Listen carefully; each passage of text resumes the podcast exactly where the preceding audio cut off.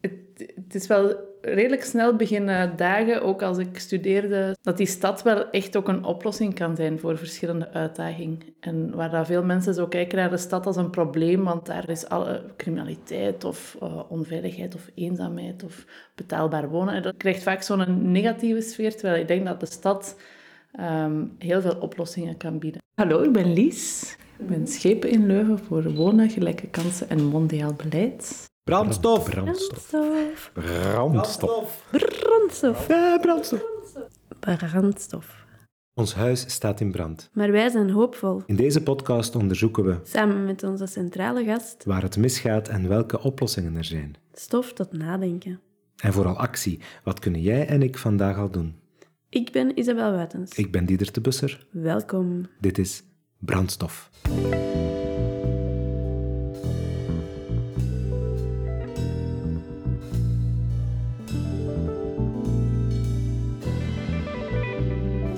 Vandaag hebben we Lies Cornelli in onze studio in de Watt Factory. Welkom Lies in de podcast. In het eerste deel met Erik Rombout hebben we het vooral gehad over hoe we tot een sociale ecopolis kunnen komen. En vandaag gaan we in op de praktijk waar jij middenin staat. Want jij bent sinds januari 2019 schepen van wonen, gelijke kansen en mondiaal beleid. Klopt. Welkom nog eens. Dankjewel. We zijn vertrokken. Een eerste vraag. Mhm. Lees mij dan altijd wat in in Ja. ja, het thema en de persoon. En ik had over u gelezen dat je zo uit een geëngageerd nest kwam. Ja, klopt. En dat- is, is dat ook hoe dat je in de politiek gekomen bent? Ja, ik denk dat het er wel mee te maken heeft. Ik ben het oudste meisje uit een gezin van vijf kinderen. Ik heb twee oudere broers, een jongere broer en een jongere zus. En eh, ik noem het soms dat we een jeugdbeweging op onszelf waren. ik heb mijn moeder de wereldwinkel weten opstarten. Mijn vader die ging naar het oudercomité van de school. Of die zat in het comité van welzijnszorg en broederlijk delen. En wij gingen altijd dan overal maar mee naartoe. Dus ik ben ook op jonge leeftijd ook al mee actie gaan voeren en zo. Bijvoorbeeld eh, begin jaren 90 bij de zwart, eerste Zwarte Zondagen. Ehm, Dat was een thema dat bij ons in de familie wel heel erg binnenkwam. Eh bijzonder is wel dat mijn ouders zich altijd wel ver af hebben gehouden van politiek. Eerder vanuit het idee, je kan ook ehm, vanuit eh, het middenveld, vanuit die organisaties en engagement, kan je ook iets betekenen, kan je ook dingen veranderen. Dus ik ben sociaal werk gaan studeren. Ik heb heel veel jeugdwerkengagement opgenomen. Ja. En pas op mijn 25e dacht ik, tja, ik vind politiek eigenlijk heel interessant. Ja. Ik heb wel wat talenten, denk ik, die ik zou kunnen inzetten. Ik eh, stem heel overtuigd groen, dus Ja. waarom zou ik mij geen lid maken van Jong Groen? Ja. En eh, twee maanden na mijn lidmaatschap zat ik in het nationaal bestuur. En zo is de bal heel snel aan het rollen gegaan. Ja. En waren uw ouders dan happy? Of zeiden ze, nee, Lies, doe dat toch niet? Ja, het was een beetje ehm, dat tweede van... Wat, wat hebben we nu gedaan? Ik heb, het ook, ik heb hen zo gebeld. Ah ja, ik ben, eh, ben lid van het nationaal bestuur van Jong Groen. Huh? Waart jij lid? En dit was, was echt zo een hele verrassing. Dus in 2012, als ik het eerst verkozen was als gemeenteraadslid...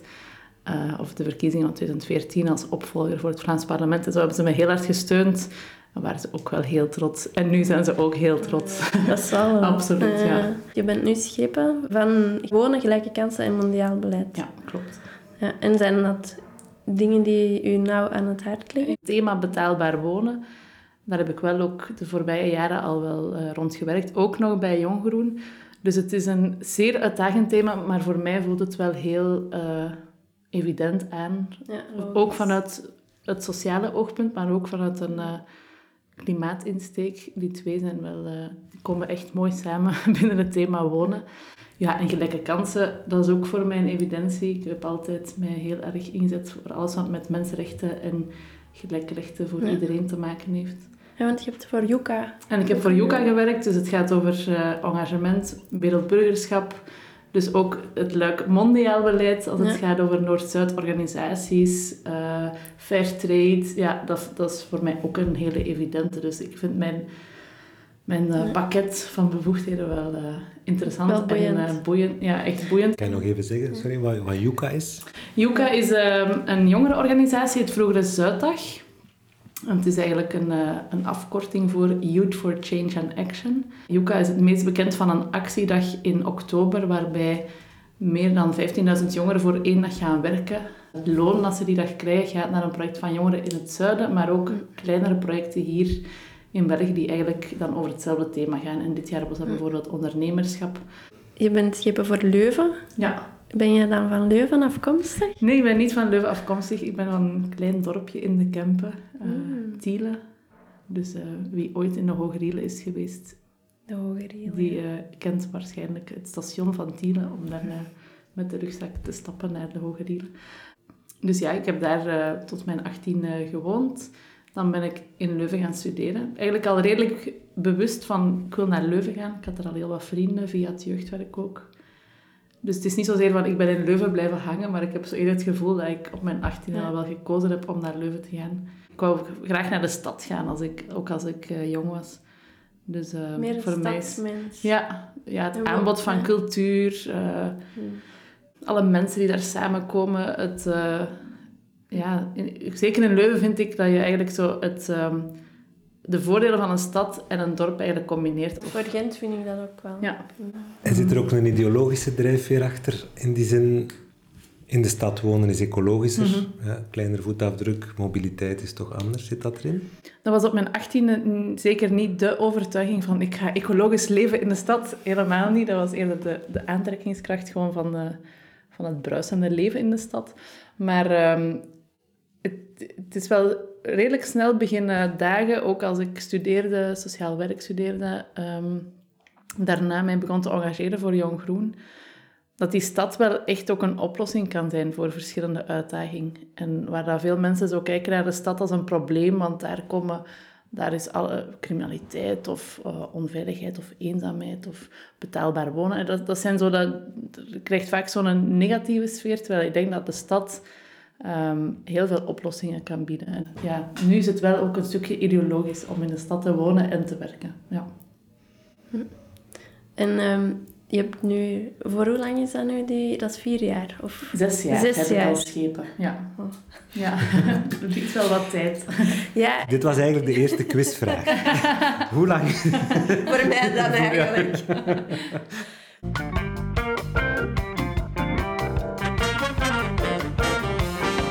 Ja, het quiztijd, hè. Alright. Nu al? ja, ja. Ik was nog enthousiast. Oké. Okay. Dus Lies, ik ken die vragen echt niet. Kijk, ik heb er dus een aparte Hij versie van een de aparte voorbereiding. versie en dat zonder. is, uh, ja. Nee. En ken ik de antwoorden wel, hopelijk. Ja, het zijn, het zijn Ja. leuvenvragen, dus uh, Ja. ik ga er maar is het dus een wel test. onrechtstreeks ook een beetje een test van onze gast. Maar nee, dat zou ik niet zeggen. Oké, een, een easy vraagje om te beginnen. Dat mag je niet zeggen, want als ik hier een fout heb... Ja, ze. Ehm, wie is de nieuwe burgemeester van Leuven sinds januari 2019? Dat is Ridwani. Ja. Ja, hè? Ja. Oké. Ja, dat is... Ja. Ehm, Oké, dank u. Dat is een easy. zie je, makkelijk. Ja, voilà. Een tweede vraagje. Hoe lang is eh, Louis Tobac burgemeester geweest van Leuven? Oh jee. Ehm, Je mocht er één jaar naast. ik weet, die is lang burgemeester geweest. Ik denk dat dat... Ik gok op 30 jaar. 30. Beetje minder. Ja. ja. Ja. Ik heb- 24 dan? Ja, die, hij hij heeft eh, vier legislaturen gedaan. Ja. ja. Dus eigenlijk zat ik er maar één naast. Ik zat er één legislatuur naast. Ja, hallo. Ah ja, ja, ja. Mhm. En tot welke leeftijd heeft hij dan dat gedaan? Wanneer is hij gestopt? Ah, december vorig jaar is hij gestopt, toch? Ja, hè? Ja, En dan heeft hem en, opgevolgd en hoe en oud was hij dan? Tobak is... Er staat zeker een 7 voor, maar nu... pff, zeg, wat een vraag. Ehm, ik schat dat hij rond de 75 is. Daar mocht je dan zes bij doen. Is Ja, hij al in de 80? Ja, Ja. hij is 80. hè. ik denk dat het nu 80 is. Ja. En weet je hoe oud dat de nieuwe burgemeester Ridwan is? Zeg, eh, die is... Om burgemeester te zijn vrij jong, dat weet ik. Maar wat is dat dan, hè? Ehm, ik denk dat dat zo'n prille dertiger is. Hij is, tach- eh, hij is 40. 40, ja. Dus Hij is juist de helft. Juist de Ja, helft. ja, juni ja. is hij Ja. 40 geworden. Ja. Ah, toch. Ah, kijk. Ah, ja, dan is het nog niet eens zo jong om een burgemeester te zijn. Maar toch maar toch. Ja, ja. toch wel vrij jong, hè? Ja. Ehm, Ja. Als je van inderdaad van 80 komt, dan is Ja. dat wel een schok. Voor ons valt de schok wel mee, hoor. Ja, ja wel het mee. Ja, het is heel fijn, ja. Nee. Het is een ander soort burgemeester. Ja, ik heb natuurlijk ehm Louis Tobak meegemaakt als burgemeester vanuit de oppositie. Ah, ja. Waar dan natuurlijk een stukje het spel oppositie-meerderheid eh, speelt. Ja. Maar ik heb ook wel heel graag eh, naar zijn, ehm, ja, zijn ervaring en zo geluisterd. Ik kan, dat doet hij nog altijd. Ik kan heel goed geschiedenis vertellen. En ik kan dat ook op een heel, nog steeds op een heel accurate manier. Dus dat is wel heel fijn om naar te luisteren. Maar evenzeer dat ik naar hem kan luisteren, kan ik mij ook, of kon ik mij ook zeer hard opwinden Ja. als hij eh, weer eens eh, begon te brullen in de gemeenteraad. dus, eh, maar ik hoorde dat hij als burgemeester binnen het college en met de collega's, eh schepenen en, en ambtenaren, dat hij daar een heel gemoedelijke man was. Dus ik denk dat het een beetje de verschillende gezichten van Louis Topak zijn. Maar ik er, ben heel blij dat ik het heb meegemaakt ehm, om met hem in de gemeenteraad te zitten. Ja. Ehm, maar nu is het zeker ook een heel fijne samenwerking met, met Ridouani. Ehm, nog een. Welke coalitie is er op dit moment in Leuven? Ja, dus zeker al rood en groen, dus SPA Ja. en, en groen, hè, want Ja. de, daar hebben we al namen van genoemd. Ehm, ik vraag mij af of dat er nog een derde bij zit. Ja, er zit er nog Zit een er een derde. derde bij? ja, doe maar een gokje. Snel. Allee, dan moet ik er een centrum bij zetten, hè, CD&V. Ja. Ja? Oké. Dat is nog ook, dat was echt puur ook, wist ik echt niet. ja, het was daarvoor altijd eh, SPA CDMV. En nu is het SPA CDMV. Of SPA Groen CDMV. Want wij zijn de tweede partij in de coalitie. Ja, Oké. Tweede belangrijkste partij. Mhm. Hoeveel punten heb ik? Maar ik heb er nog. Ik heb nog, oké. Ah, ja, nog niet oké. gedaan. Ehm, hoeveel inwoners heeft Leuven? Maar dat is echt een gok. Eh, het is minder dan Gent, hè. Dus eh pak de helft van Gent, 120.000. Het aantal inwoners is 101.000. Maar daar mag je nog eens eh 40 of 50.000 studenten bij tellen. Ja. Dus ehm, dat is wel een bijzondere context natuurlijk. Hier in Gent heb je ook heel veel studenten. Maar ten opzichte van het totaal aantal inwoners is dat een kleiner Ja, ja, aandeel. kleinere aandelen. Ja. Eigenlijk heb je in Leuven een derde studenten doorheen het jaar. Laatste vraag. Vroeger noemden ze Leuven soms Louisville. En hoe noemen ze Leuven nu? Ik had schrik dat je het ging vertellen. ja. Ik dacht, oei oei. Dus het heeft met die mo te maken. Ja. Ja, zit Ah, het in... ja. Ja. Moville dan of zo? Motown. Ja. Motown, ah, ja. Had ik nog niet gehoord. Dat klinkt wel hip, vind ik. Ja, zo. ja, Motown. het is wel van Louisville naar Motown, dat is... Ja, dat is een upgrade. Ja. Ja, ja. Ja. En dus binnen zes jaar iets met Lies... eh, Leesfield. ja? Leestown. Leestown. Wat is na Town? Hoe kunnen we nog upgraden van Town? City, Lee City. Ja. Ik ga er al over nadenken. ja. Maar nog tijd, hè. Oké, bon, dat was het. Ik weet eigenlijk niet hoeveel dat hem nu gehaald heeft. Heb jij kunnen tellen? Ja, bijna. Ja, twee fout, denk ik, hè? Want, eh, ah ja, drie dan. Oh, het laatste ook, ja. Ja, maar goed, het waren wel zeer politieke vragen. Ja, het waren politieke vragen. Het waren niet zo'n groene vragen. Ik vond dat ik het heel goed gedaan Ja, heb. Ja. Wij vonden dat ook, hoor. Dank u. She knows she's got everything that a woman needs to get a man. Yeah, yeah. How can she lose with the stuff she used? 36, 24, 36. What a winning hand. Terug naar Leuven. Ridouane had gezegd, Leuven zal baanbrekend zijn en wordt een van de meest zorgzame, groene en welvarende steden. Ja, daar kan ik me helemaal in vinden. Ja. Ja. In Leuven leeft er heel veel, al heel lang, over klimaat. We hebben een universiteit waar heel veel slimme koppen zitten die eh, onderzoek na onderzoek ook eh, afleveren over wat met klimaatverandering te maken heeft. Eh, heel veel burgers die zich willen engageren. Dus dat heeft er allemaal toe geleid dat er in 2013 beslist is om ehm, ja, klimaatneutraal te worden. We willen een drastische daling tegen 2030 en tegen 2050 echt klimaatneutraal. En Leuven klimaatneutraal, hoe ziet dat eruit? Wat is dat? Dat betekent dat we echt heel veel minder CO2 gaan uitstoten. En dat gaat bijvoorbeeld over mobiliteit. Dat we echt het uh, personenvervoer moeten afbouwen, het, het persoonlijk wagenbezit, maar ook het aantal verplaatsingen. Je kan dan kiezen om de automobilist te gaan viseren, of je kan heel hard gaan investeren in de alternatieven. En dat is wat we voornamelijk willen doen, is dat we echt een fietsstad worden waar, um, waar de meeste verplaatsingen met de fiets gebeuren of te voet uh, of indien nodig met het openbaar vervoer en dat pas de, auto pas een, een, laatste optie wordt. Dus het investeren in, uh, in zo'n stad, dat betekent uh, een circulatieplan. Uh, dat betekent dat je fietsstraten gaat aanleggen. Dat betekent dat je echt ook in autodeelprojecten gaat investeren. En dat is wat we nu aan het doen zijn. Daarnaast gaat het ook over ehm, renovatie van gebouwen. Dus naast mobiliteit zijn eigenlijk de, de huishoudens en de instellingen die met hun gebouw te veel um, CO2 uitstoten, dat is een, een, groot, een groot aandeel in de totale uitstoot.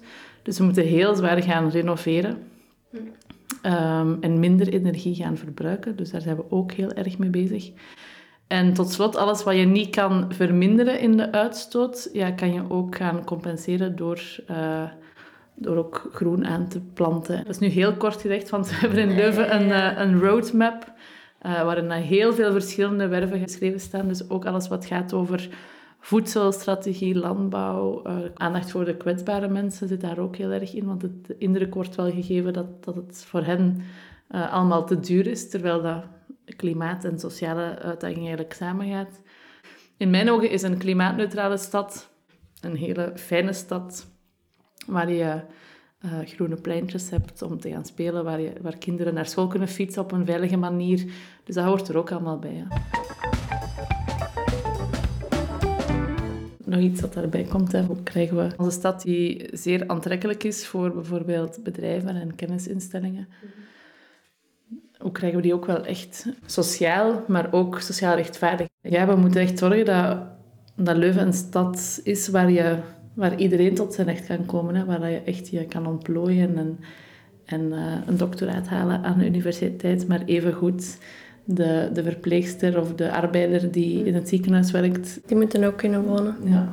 Hoor ik ga dan ook meteen zeggen, ja, maar met zo'n plan om meer te gaan renoveren, zal het er zeker niet op verbeteren? Wordt het duurder? Dat is soms de vrees dat uh, grote investeringen in uh, klimaatneutraliteit of energiezuinigheid of uh, nieuwe technieken, dat dat echt een heel grote kost met zich meebrengt en dat het dan ook um, ja, minder betaalbaar wordt voor die groepen. Maar als ik daar straks had over de stad kan ook de oplossing zijn, en zeker ook bij renovatie uh, en kwetsbare groepen zijn daar oplossingen mogelijk. Zo is er bijvoorbeeld in Leuven al een organisatie Minder is Meer. En zij gaan op zoek naar noodeigenaars. Dat zijn mensen die een woning hebben gekocht die, eigenlijk, uh, die ze net konden betalen. Um, maar die er wel echt heel erg aan toe is, bijna een krot. Dus ze hebben wel een woning, maar dan hebben ze 0 euro nog om um, te investeren in renovatie, isolatie, maar dus ook de gewone basiskwaliteit. En wat doen zij? Zij gaan eigenlijk een hypotheek leggen op de woning, maar ze gaan ook investeren in renovatie. En met de winst die gemaakt wordt op de energiefactuur bijvoorbeeld, gaan zij de lening afbetalen. Dus echt zoeken naar hoe kunnen we en die klimaatuitdaging en die sociale uitdaging aanpakken. Ja. Denk bijvoorbeeld ook aan energiesnoeiers. Dat zijn vaak ook zelf laagopgeleiden die een opleiding krijgen om uh, in woningen te gaan kijken van ja, waar, waar verlies je energie? Hoe kan je energie besparen? Um, als ik in een woning zou binnenkomen, ik zou het waarschijnlijk nog niet eens zo opmerken.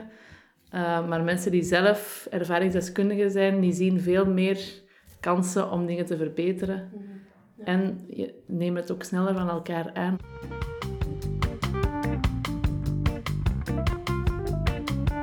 Voor België algemeen is qua kopen en huren verdeeld dat 70% is eigenaar en 30% huurt ongeveer. Heb je daar een zicht op hoe dat, dat in Leuven is? ongeveer de helft huurt. Ah ja. Um, half, half. Ja, maar natuurlijk bij die huurders zijn er, is er een heel grote doorloop hè, van gezinnen of, of mensen die, die nog een tijdje in Leuven wonen en dan huren. Ja. Um, maar er is zeker een grote huurmarkt in Leuven het is zo'n idee van de, de baksteen in de maag bij de Vlaming. Dat is ook heel erg gestimuleerd door het beleid sinds ja, na de oorlog eigenlijk al, denk ik. Alles is geconcentreerd rond, rond dat eigen huis. En ik snap dat heel erg, want als je op het einde uh, van je loopbaan uh, op pensioen gaat en je moet dan nog met het pensioen dat je krijgt een, uh, een huur af, of een huur betalen, of je woont gewoon in de woning die afbetaald is en je, moet daar, je hebt daar geen kosten meer aan, dat is wel een enorm verschil. Maar in een ideale wereld denk ik dat we even goed moeten kunnen zorgen voor woonzekerheid, zonder dat dat betekent dat je die eigen woning moet hebben. Dat je ook goed kan huren. Uh, en dat we ook moeten inzetten op die voordelen die huren biedt eigenlijk. Hè. Want als je huurt, dan heb je een stukje minder zorgen uh, als, je, als er iets is aan de woning. Je bent daar niet zelf verantwoordelijk voor. Als je dan een goede huisbaas hebt. Je bent flexibeler. Als er uh, iets verandert in je gezinssamenstelling dan kan je makkelijker verhuizen naar een kleinere of een grotere woning. Eigen huis, ja, die zetten je vast in dat huis, want je hebt daar zo lang voor gespaard en je, zo lang naar gezocht en dat is dan je huis. En dan ga je daar niet zo gemakkelijk uitgaan. En daarop willen we het ook wel wat inzetten in Leuven, dat we die, um, die doorstroom toch wel krijgen. Dat mensen wel op een bepaald moment in hun leven toch wel eens stilstaan van, ah ja, zou ik nu niet beter ergens anders gaan wonen? En dat we daar ook op inspelen door alternatieven te gaan aanbieden er zijn veel experimenten en uh, moeten goed evalueren ook. Ja, dat was zo een van de feedbackzaken die dat ze gegeven hadden op het plan van Ridouani, begin januari dan. Ja. Dat er wel 170 verschillende experimenten Ja, en we gaan veel onderzoeken, maar ja, het is ook... Als iemand de oplossing voor betaalbaar wonen al had gevonden, ja. dan hadden we dat al allemaal uitgevoerd, denk ik. En dat is het niet.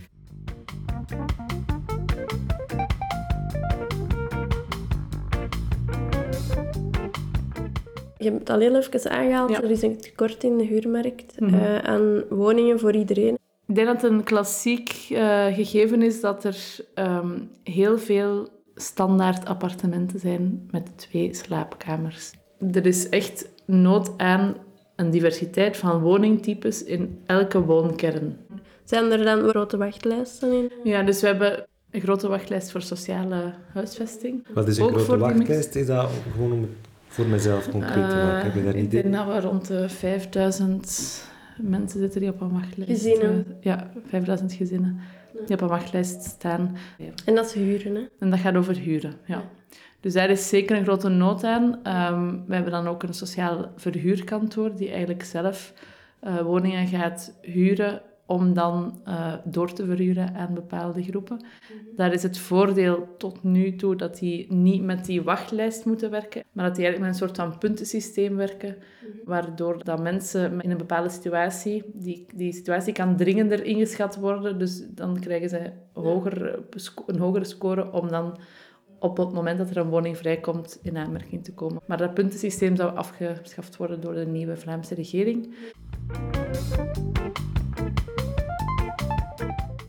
Maar ik geloof wel in het algemeen in de bestaande uh, woningen. Met sociale huisvesting gaan we vooral nieuwe woningen uh, bouwen of de bestaande renoveren. Maar we kunnen niet blijven bijbouwen. Dat gaat over eigenaars overtuigen om te gaan verhuren, ook aan die groepen waar die in eerste instantie uh, niet evident lijken. Maar er zijn heel wat organisaties die daarbij helpen. Die um, ja, als een woonbuddy of als een wooncoach uh, kunnen fungeren. De schrik soms dat een, een buitenlands gezin met te veel mensen in een woning gaat wonen en dat die woning dan kapot gaat gaan. Ja, dan is het wel handig als er iemand zegt van ja, ze zijn er gewoon om hier met een grotere familie te wonen. Maar zij pakken op die en die manier aan en voilà, dat komt wel goed. En als, er, als je vragen hebt, contacteer mij en ik zal wel helpen.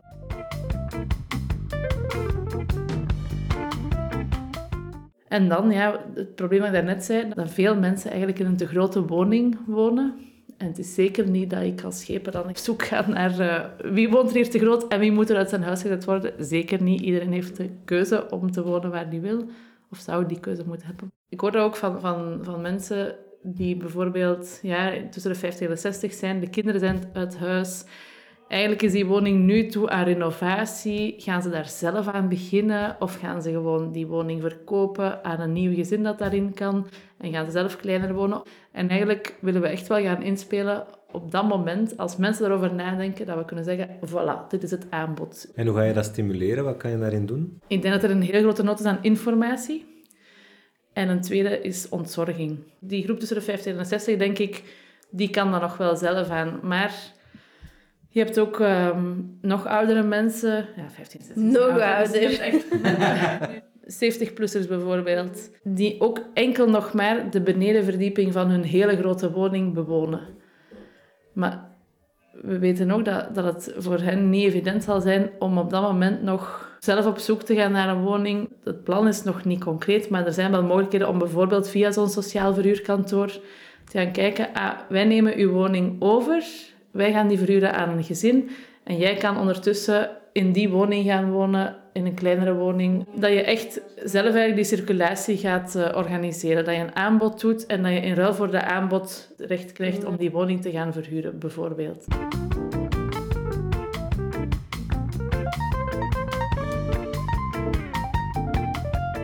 Wat je nu zegt is dat een heel groot stuk van, van het probleem van die huurmarkt eigenlijk op te lossen is met de bestaande woningen. Zou je het volledig op die manier kunnen oplossen? Of is er ook gewoon nood aan nieuwe... We gaan ook nieuwe woningen moeten bouwen. Hè. Er is ongeveer ingeschat dat met de groei van de stad die er nog, die er nog gaat komen de komende 10, 15 jaar, zouden we 6600 nieuwe woningen nodig hebben. Dat is zo'n raming die gemaakt is. Je kan het dan opsplitsen in jaren en dan zeggen van op elk jaar moeten er ongeveer 500, 600 woningen gebouwd worden. Ja, daar moeten we zien via welke weg dat we die willen bouwen. Wij kunnen die als stad niet allemaal bouwen. Een sociale huisvestingsmaatschappij kan die ook niet allemaal bouwen. Dus daar komen ook eh, privé-eigenaars en privé-ontwikkelaars bij. En dan is het vooral ook kijken naar hoe kunnen we ervoor zorgen dat via onze bouwvoorschriften en onze regelgeving zij op de juiste manier gaan bouwen. Bepalingen die ervoor zorgen dat de woningen ook betaalbaar worden.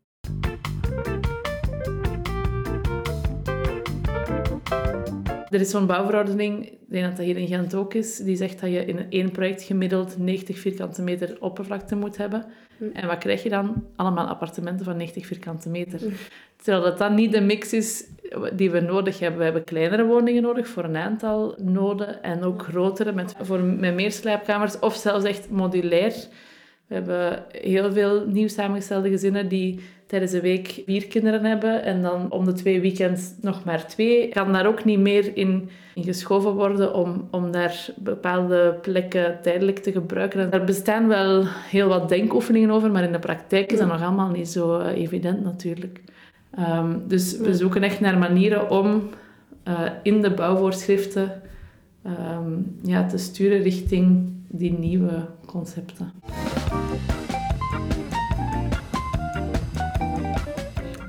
Sturend kan een stad daarin zijn? Want bouwvoorschriften is niet alleen stedelijke bevoegdheid. Ja, inderdaad. Dat is de, de uitdaging waar we voor staan. Binnen het Vlaams beleid, wat is onze speelruimte? En hoe kunnen we echt daar de grenzen gaan opzoeken? We proberen dat, maar we weten ook dat er projectontwikkelaars ook zelf hun eh, juridische wegen heel goed kennen om te zeggen dat mag je wel vragen of dat mag je niet opleggen. En ook zelf gaan ehm, ja, bepaalde vergunningen gaan, eh, gaan aankaarten of weigeringen van vergunningen gaan aankaarten om toch maar te kunnen, te kunnen bouwen. Dus het is echt een zoektocht. Ook een stukje onderhandelen.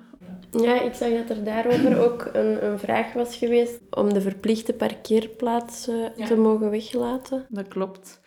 We hebben in, in Leuven een parkeerverordening ook, als onderdeel van de bouwverordening, die een bepaald aantal parkeerplaatsen per wooneenheid oplegt voor nieuwbouw. Je kan die ook afkopen als het echt niet mogelijk is om in de buurt parkeerplaatsen te voorzien.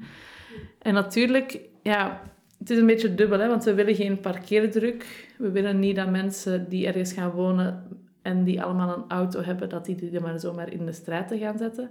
Maar langs de andere kant willen we ook dat mensen gewoon geen auto meer hebben en dat ze meer zouden kiezen voor deelmobiliteit. Dus hoe kan je in zo'n algemeen voorschrift weer zorgen dat het, dat het de juiste richting uitgaat? Daar zijn we nu een hele eh, denkoefening aan het doen, ehm, waarbij dat ontwikkelingen dus inderdaad kunnen gebouwd worden zonder eh, die verplichte parkeernorm, maar dat ze dan wel echt moeten kiezen voor deelmobiliteit. En dat zal ook een, ehm, een engagement vragen van de bewoners of van de kopers of huurders, dat zij echt zeggen van ik zal geen auto hebben, want anders ja, dan gaat hij toch daar in de omliggende straten, op de straat, op het publieke domein staan. En daar moeten we een beetje van af. Hè. En je merkt ook dat bijvoorbeeld met zo'n circulatieplan Eerst verander je de circulatie of knip je straten en dan creëert dat veel chaos in de eerste maanden. Maar dan gaan mensen wel echt daar hun lessen uittrekken en verandert het de mobiliteit ook. Dus ik denk ook wel dat dat met een parkeerverordening verordening zo gaat zijn. Als je niet kan parkeren, dan denk je ook wel na, kan ik daar wel met de auto geraken? Is het nog wel zo goed om een eigen auto te hebben? Zijn er geen alternatieven? En op termijn verandert het gedrag ook wel.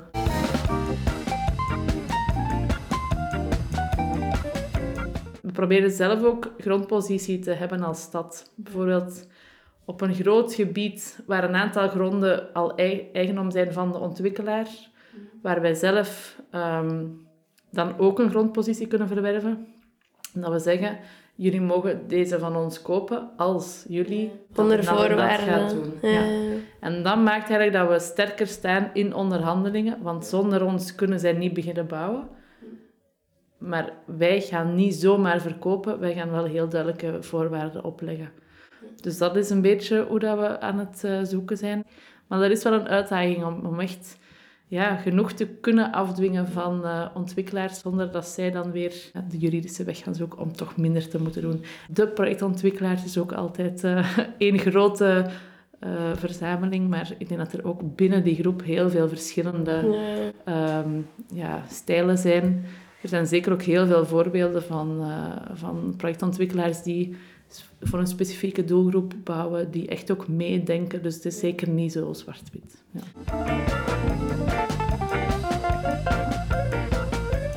Dat brengt mij bij een vraag die ik wou stellen als kind van de duivel. Je zegt daarnet, veel ontwikkelaars bouwen woningen van 90 vierkante meter, want dat is wat er als minimum wordt opgelegd. Maar er komt dus een heel groot deel van de markt in de kou te staan, mm. die dan dat aanbod niet hebben. Maar als ik dan denk, wet van vraag en aanbod, dan moeten er toch ontwikkelaars zijn die in dat gat springen. Ik denk dat het woonbeleid zo ver gevorderd is dat het niet meer zo gewoon gaat over wet van, van vraag en aanbod.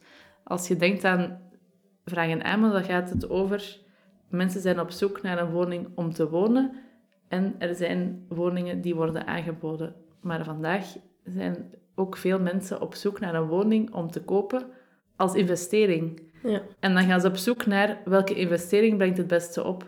En in Leuven is een heel goede investering een studentenkot. Want daar ben je zeker dat die ouders heel flink um, maandelijks die huur gaan betalen. Dus in de als we enkel zouden spreken over mensen op zoek naar een woning en mensen die woningen aanbieden, klaar. Maar dat is niet het geval. Kunnen we niet mensen aantrekken die inderdaad willen investeren in vastgoed, die daar ook rendement willen uithalen? Kunnen we die organiseren om sociale projecten te gaan doen? En zo zijn er ook al een aantal voorbeelden in Vlaanderen. Dus we zijn nu aan het onderzoeken hoe kunnen we dat ook in Leuven organiseren. Is dat een coöperatie of een ander model? Maar dat zou wel interessant zijn om echt mensen met geld te motiveren of te mobiliseren om wel sociale investeringen te gaan doen.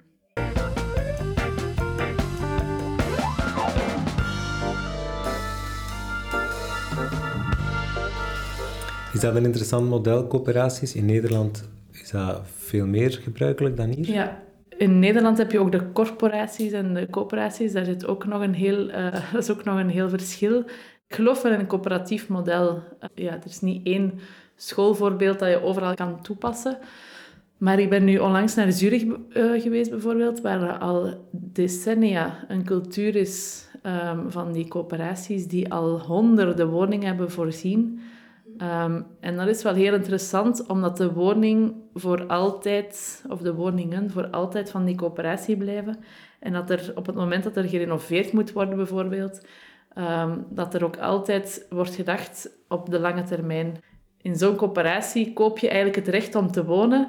En je woont in het begin in een kleine woning, want je bent met twee, oh, er komen kinderen bij, je verhuist, er gaan kinderen het huis uit, ja, je gaat weer naar een kleinere woning. En dat, is, dat kan omdat er zo'n uh, zo'n schaal is. Dus dat is wel een heel interessant model. model ja.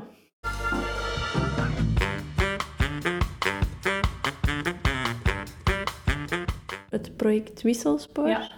Mhm. Dat leek mij zo een mooi schoolvoorbeeld ook. Welkom in het Wisselspoor. Nieuwe plek om te wonen op de centrale werkplaatsen, vlakbij het station. Op maat van gezinnen die graag in de stad wonen. Jouw eigen thuis en veel gemeenschappelijke ruimte. Buiten, om te spelen of genieten van op de brede stoepen voor je deur, tot in de groene daktuinen. Binnen vind je ruimte die je met buren deelt. Een zaaltje met keuken voor een groot familiefeest. Of een bergruimte om je modderige fiets af te spuiten. En er is meer. Een kinderopvang en muziekacademie in het gebouw. Dusselspoor is eigenlijk een project ehm, vlak achter het station van Leuven. Daar heb je de oude werkplaatsen van de NMBS. Als je daar twintig jaar geleden kwam, stonden daar allemaal grote hallen en was dat een zeer industrieel gebied. En uh, ja, een twintigtal, twintigtal jaar geleden zijn ze beginnen de plannen voorbereiden van hoe kunnen we deze site gaan gebruiken voor wonen, maar ook voor recreatie, voor ontmoeting. Um, en ondertussen is dat al een heel ja, bruisende wijk geworden met half vier en half vijf, waar uh, heel veel uh, maatschappelijke organisaties ook hun, uh, hun plek vinden. En eigenlijk het, het sluitstuk voor de wijk is nog één woonproject. En dat is een woonproject met 52 woningen, dat we op een heel beperkte oppervlakte gaan bouwen. Als we dat zouden bouwen in een klassieke verkaveling, zouden we acht voetbalvelden of zo nodig hebben. En nu is het ja, in de hoogte. Het is eigenlijk een verticale wijk. Het idee was van, ja, hoe kunnen we zorgen voor een kindvriendelijke ruimte, kindvriendelijke woningen? Um, hoe kunnen we klimaatneutraal uh, bouwen? En hoe kunnen we echt ja, in een nieuw stedelijk concept denken? En zo is er een, een verticale, verticaal dorp eigenlijk ontstaan. Ja, om meer groene ruimte te om voorzien. meer groene ruimte te voorzien. Het is zo dat vanaf dat je denkt over hoe kunnen we efficiënter bouwen, efficiënter wonen, kom je automatisch bij ruimtes delen. Heeft iedereen een garage nodig om een fiets in te zetten? Heeft iedereen een aparte bureau nodig om te werken? Vanuit dat idee, denk eens van welke ruimtes gebruik je echt actief en welke kan je uit een woning weghalen en gaan delen. En dan kom je bij een gedeelde wasruimte, een coworking place, een atelier, uh, een living waar dat je voor grotere familiefeesten bijvoorbeeld kan, uh, kan verzamelen. En dat is waar het wisselspoor op gebaseerd is, hè, op uh, gedeelde ruimte. Een co-housing project? het wordt een co-housing project, maar het was van in het begin eigenlijk niet... Het was niet het idee, we gaan een co-housing project bouwen. Het idee was, we gaan een kindvriendelijke, stedelijke, klimaatneutrale wijk maken. Hoe gaan we dat doen? Ah, voilà. En we kwamen uit bij co-housing. Ja, ik las dat de Vlaamse bouwmeester ook grote fan ja, was van het project. Leo van Broek is inderdaad grote fan. Hij stuurde vorig jaar nog een bericht van... Ja, ik ben echt aan het wachten op het wisselspoor om te kunnen vertellen hoe ik wonen in de toekomst zie. Dus dat is wel ja. heel mooi. Ja. En het is ook wel tof. Ja, het is nu nog allemaal in maquettes en zo. Het staat er nog niet, maar uh, het idee dat je met een fiets ook naar boven kan, ook tot aan je voordeur, nee. om je boodschappen te gaan uitladen, dat zijn wel heel... Uh, ja, er is heel goed nagedacht over wat zoek je eigenlijk als je ergens wilt gaan wonen en hoe kunnen we dat toch op een andere manier gaan bouwen uh, dan in een klassieke wijk of een klassieke verkaveling. Zien jullie dat al? Wordt het nog steeds, wordt het altijd maar duurder? En is dat door de groene maatregelen dat het ook duurder wordt? En met groene maatregelen bedoel ik niet de maatregelen nee, die de nee, groenen nee. opleggen. Ik, het klopt wel dat mensen die een top of the bill um, ecologisch verantwoorde woning willen bouwen, dat die zeer duur aan het bouwen zijn. Maar dan kom ik ook terug bij de bouwmeester.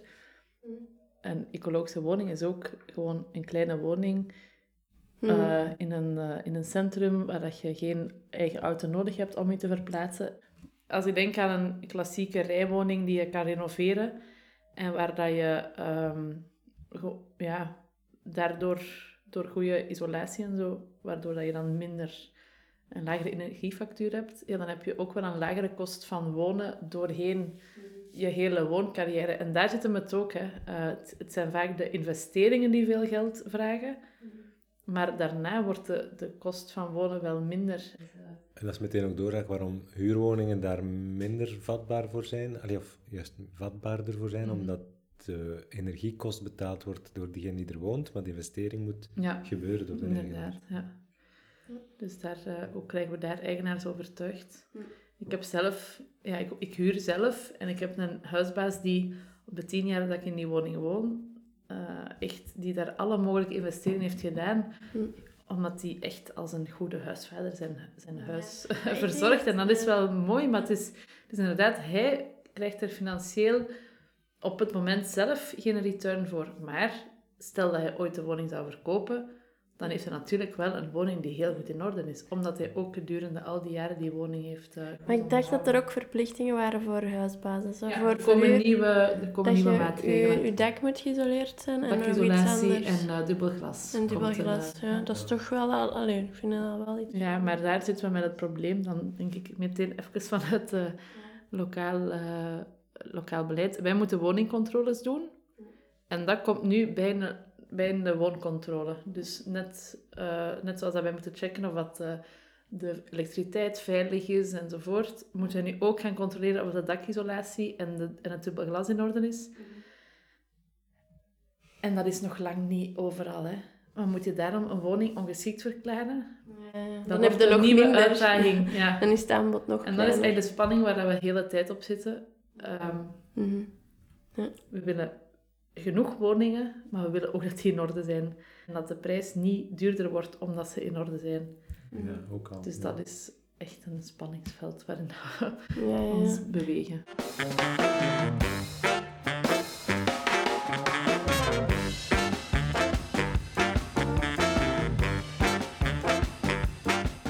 Misschien iets over die Community Land Ja. Trust. Want dat is een van jouw projecten waar Mhm. je wel echt in gelooft. Inderdaad, ja. Het is een, een concept dat eigenlijk in Anglo-Saxische landen al ehm, meer gekend is. Ehm, een van de, de voorbeelden is Burlington, dat is de stad van eh, Bernie Sanders. But here is another issue, and that is we have got to figure out a way to make sure that housing is perpetually affordable. Or, in other words, you know, we can build a housing unit today and it's good for the family, but then 20 years that price has gone up and it's not good for future families. When I was mayor of the city of Burlington, we were the first uh, city in America uh, to put funding into community land trust housing. And that has been enormously accept, enormously successful. And what that, what that says, it, it does something a little bit, a little bit complicated, but what it does is pretty simple. It says the land trust, the community land trust owns the land. You own the house. You can do whatever you want with the house. But when you sell that house, you can't sell it at market rates and make a lot of money. You're going to have to sell it. You can make a modest profit on it. But the next person who comes along will be able to enjoy that affordable housing as well. So that's a model which has spread, by the way, not only all over America, but all over the world. Daar werkt het echt heel goed. Als je een schaal bereikt, dan krijg je ook een impact op de rest van de markt natuurlijk. In Ja, mogelijk. dat is wel interessant. hè. Ja. Ja.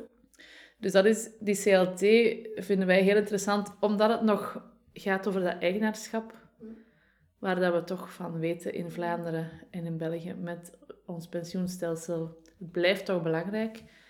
Maar daarnaast is het ook wel een manier om die gronden blijvend in bezit te houden, omdat je met grondpositie echt wel ook beleid kan voeren.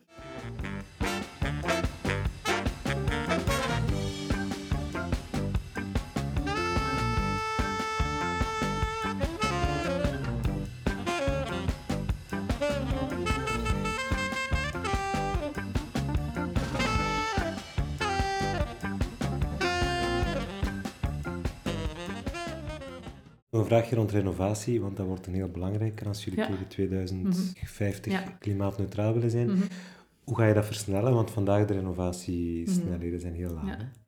Waar we onder andere al ehm, een aantal jaar mee bezig zijn, is vooral de grote residentiële eh, of niet-residentiële partners, die al begonnen zijn met scholen, universiteitsgebouwen enzovoort, om die eigenlijk in één groot project eh, samen te voegen, daar financiën voor te vragen vanuit Europa en zelf ook een inbreng te doen. Daar koop je ook eh, ineens door die Europese subsidie heel wat expertise mee aan en dan kan je ehm, op grote schaal gaan beginnen renoveren. Dat maakt dat je bepaalde contracten kan afsluiten. Het wordt moeilijker natuurlijk met alle aparte gezinswoningen die allemaal andere behoeften hebben.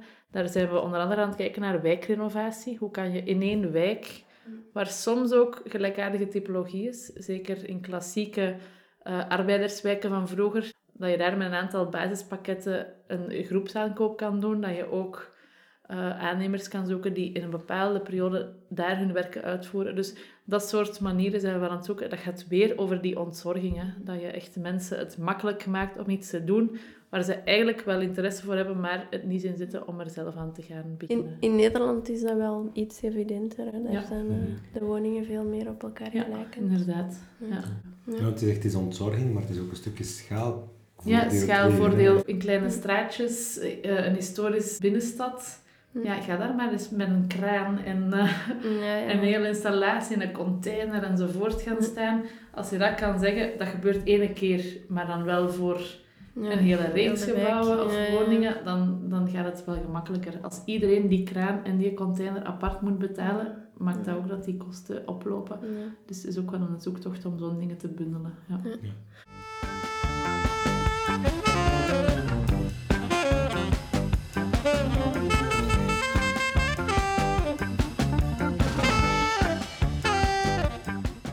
Is er veel leegstand in Leuven? Eigenlijk valt de leegstand in Leuven mee. Mhm. En dan bedoel ik vooral de langdurige leegstand. En er bestaat een, iets in de, in de Vlaamse wetgeving, het sociaal beheersrecht. Je kan eigenlijk als stad het beheer van zo'n woning overnemen en je moet het dan sociaal gaan verhuren. Dus dat maakt het wel interessant dat je een woning waar dat om welke reden dan ook uh, een aantal jaren niks in gedaan is, hm. dat je die kan overnemen, dat je kan, die kan renoveren, um, basiskwaliteit kan voorzien en dat het sociaal verhuurkantoor die dan kan verhuren aan hm. iemand die daar uh, op dat moment nood aan heeft. De huur gaat ook terug naar de, uh, naar de eigenaar. naar, niet naar de eigenaar, maar naar de stad. ja. Die, zolang de huur mag voor zichzelf houden, uh, totdat de renovatie is terugbetaald. Ik heb dat voor handelseigendommen ook al gehoord, dat er zoiets... In Mechelen deden ze ook zoiets. In Mechelen hebben ze een concept ook met tijdelijke invulling. Ja. Um, dus ja, dat is één manier waarop dat we leegstand willen opnieuw inzetten. Ja. Het kan ook eigenaars aanmoedigen om er toch zelf iets mee te gaan doen. Hè. Als ze denken van, oei, de stad gaat dat hier negen jaar van mm. mij uit, uit, mijn handen nemen. Ah nee, dan ga ik toch wel zelf ja, terug uh, iets gaan doen. Ja. We hebben ook een, een hoge leegstandsbelasting, omdat we inderdaad wel echt willen aanmoedigen dat er zo snel mogelijk iets gebeurt met woningen die uh, leeg staan of mhm. ongeschikt of onbewoonbaar zijn verklaard. Ik heb nog een klein dingetje. We hebben zo elke aflevering een duurzame dichter.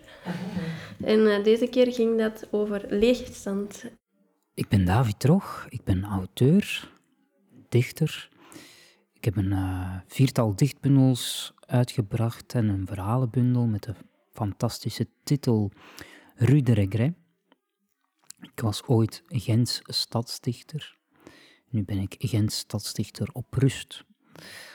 Um, en tijdens mijn periode als stadsdichter um, werkte ik nog bij de VZW Whisper. En we hadden een project samen met Graffiti, een andere VZW, in de buurt van de Dampoort. Sorry Not Sorry, waarbij in de Dampoortstraat verschillende uh, leegstaande panden werden ingepalmd door kunstenaars. En dat bracht mij op het idee van, ja, in een stad is inderdaad wel regelmatig veel leegstand, zelfs in een stad als Gent. En daarom heb ik daar een, een uh, gedicht rond gemaakt dingen zoals het klimaat bijvoorbeeld komen regelmatig wel eens terug in mijn werk, omdat ik de poëzie een goede manier vind om mijn ongenoegen te uiten over wantoestanden. Ik probeer ook in mijn leven enigszins duurzaam te leven. Zoals, uh, ja, ik ben al jaar en dag vegetariër. Enfin, ik, ik eh, probeer echt heel bewust om te gaan met het, het beperkte bestaan die, dat ons is toebedeeld op deze aardkloot. Enfin, goed. Um, ik heb dus een gedicht en dat heet De leegte. De leegte heeft er schoon genoeg van. Stram van het lange liggen kruipt ze onder het tapijt uit. Moeizaam komt ze overeind, slaat lage stof van zich af, stelt scherp. De leegte moet het huis uit. Ze morrelt aan de deur, vergeefs, danst zichzelf dan maar door het sleutelgat. Eens op straat zuigt de leegte de longen vol en verspreidt zich slinks. Ze heeft ons binnen de kortste keren omsingeld. Staalhard staart ze ons aan, dwingt ons de ogen neer te slaan, in te binden. De leegte heeft niks te verliezen.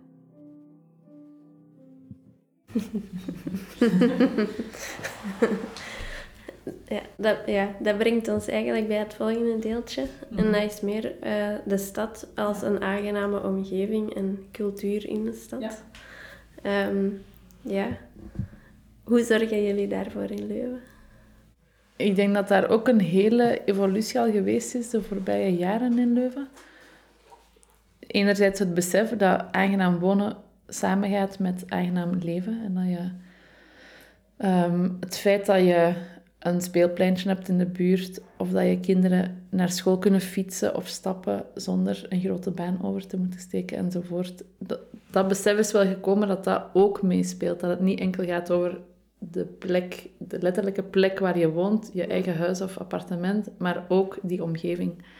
Dus er is heel veel geïnvesteerd in Leuven de voorbije tien jaar al, denk ik, in ehm, speelpleinen, speelpleintjes, eh, groene plekken. Dus ik denk ook dat dat alsmaar belangrijker wordt als we willen dat mensen bijvoorbeeld kleiner gaan wonen, dat er echt meer open ruimte is, gedeelde ruimte. En daarom het gedicht over de leegte. Ik vind leegte wel iets heel belangrijk. Je kan ook niet alles vanuit een planningsidee gaan invullen en zeggen dit moet daarvoor dienen en, en we gaan alles volbouwen. Er moet ook ehm, Ruimte. echt fysieke ruimte zijn om, ehm, om creativiteit op gang te brengen, om eh, rust te brengen. Ja, dat is, dat is ook he- heel belangrijk. Zuurstof, hè. Ja, hier in, zuurstof, in Gent, de wijk de Brugse Poort, waar we in zitten, eh, was er een project Zuurstof voor de Brugse Poort. Ja. Dat was ook letterlijk pleintjes creëren. Ja, eh, pleintjes. Ik denk dat het openleggen van water opleggen van- echt ook een hele belangrijke is voor de, de levenskwaliteit, maar ook weer voor de klimaatuitdaging. Dus ook daar weer gaat het, het gaat altijd samen. Hè. Eén oplossing is eigenlijk een oplossing voor verschillende, verschillende problemen. Ja. Ja. Ik las ook zo de Scheut, dat dat zo'n Ja. project is, dat daar Mhm. veel meer zo ehm, verenigingen en organisaties zaten. Ja, de, de scheutzitten, dat is eigenlijk wel een, een mooi project dat we begin deze legislatuur al hebben kunnen realiseren. Het gaat over een, twee kloosters eigenlijk. Niet, het zijn eigenlijk rusthuizen van eh, de zusters en de paters die na jaren in Afrika of Latijns-Amerika op missie eh, ja, daar op pensioen kwamen en hun laatste eh, jaren kwamen doorbrengen terug in, in het eigen land. Maar natuurlijk ja, zijn ook daar het aantal zusters en het aantal paters die daar nog wonen heel erg verminderd. Waardoor dat de, de beide kloosterorders hebben beslist om hun, ehm, hun klooster te verkopen. Waardoor dat we ineens twee heel grote eh, ruimtes hebben, lokale, maar ook op een heel groot gebied. En ehm, dus we hebben daar beslist als stad om dat te kopen. Om daar plek te geven aan verenigingen, want er is enorm veel vraag naar eh, verenigingsruimte. En dat gaat over het buurtcomité, dat gaat over een moestuin willen aanleggen, dat gaat over een theatergezelschap. En met die scheutzitten hebben we eigenlijk een plek gekocht waar we ineens 10.000 vierkante meter vloeroppervlakte hebben om dat te doen. In de eerste fase willen we eh, organisaties en verenigingen daar tijdelijk intrek laten nemen. En in een volgende fase willen we ook zoeken naar bijvoorbeeld bepaalde woonvormen. Waren dat dan scheutisten, die ordes? Die, Ja. ah, vandaar de scheut. Ja. Schutisten. Schutisten, dat is een orde, dat is een patersoort. Ja, ja. Nou, nog nooit van gehoord. Nee. En hadden die ook zo'n trappistbier of zo? Nee, dan niet. Ja, nee. Zou nog wel tof Ja. geweest zijn.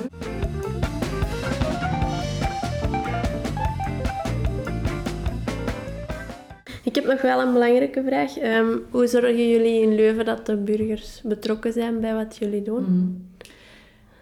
Ik denk dat we in Leuven op heel veel verschillende manieren proberen om burgers te betrekken. Omdat burgers ook op heel verschillende manieren willen betrokken zijn.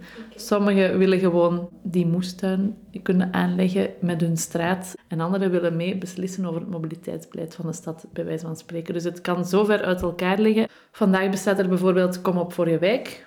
Om dat soort kleine buurtprojectjes te kunnen doen. Eh, Dat gaat over een buurtpark kunnen organiseren, over een moestuin, een bankje, eh, een boekentil. En we hebben ook andere projecten, zoals eh, Leuven maakt het mee. We hebben in het voorjaar een platform gelanceerd waarop burgers al hun ideeën konden geven, die we kunnen opnemen in de meerjarenplanning. Maar evengoed geven we ook terug de opdracht aan de Leuvenaars. Jullie zeggen wel dat jullie een project willen rond kleinschalig wonen, maar doe het maar, ga maar aan de slag en we gaan dat samen gaan uitwerken. Het zit op heel verschillende niveaus eigenlijk. Ik denk, We kunnen nog een paar uur verder gaan. Ja, ja. we kunnen nog heel lang verder gaan, maar ik denk dat we echt wel eh, een heel mooi, mooi Ja. eh, parcours hebben gedaan. Inderdaad. Dankjewel. Ja, heel erg bedankt.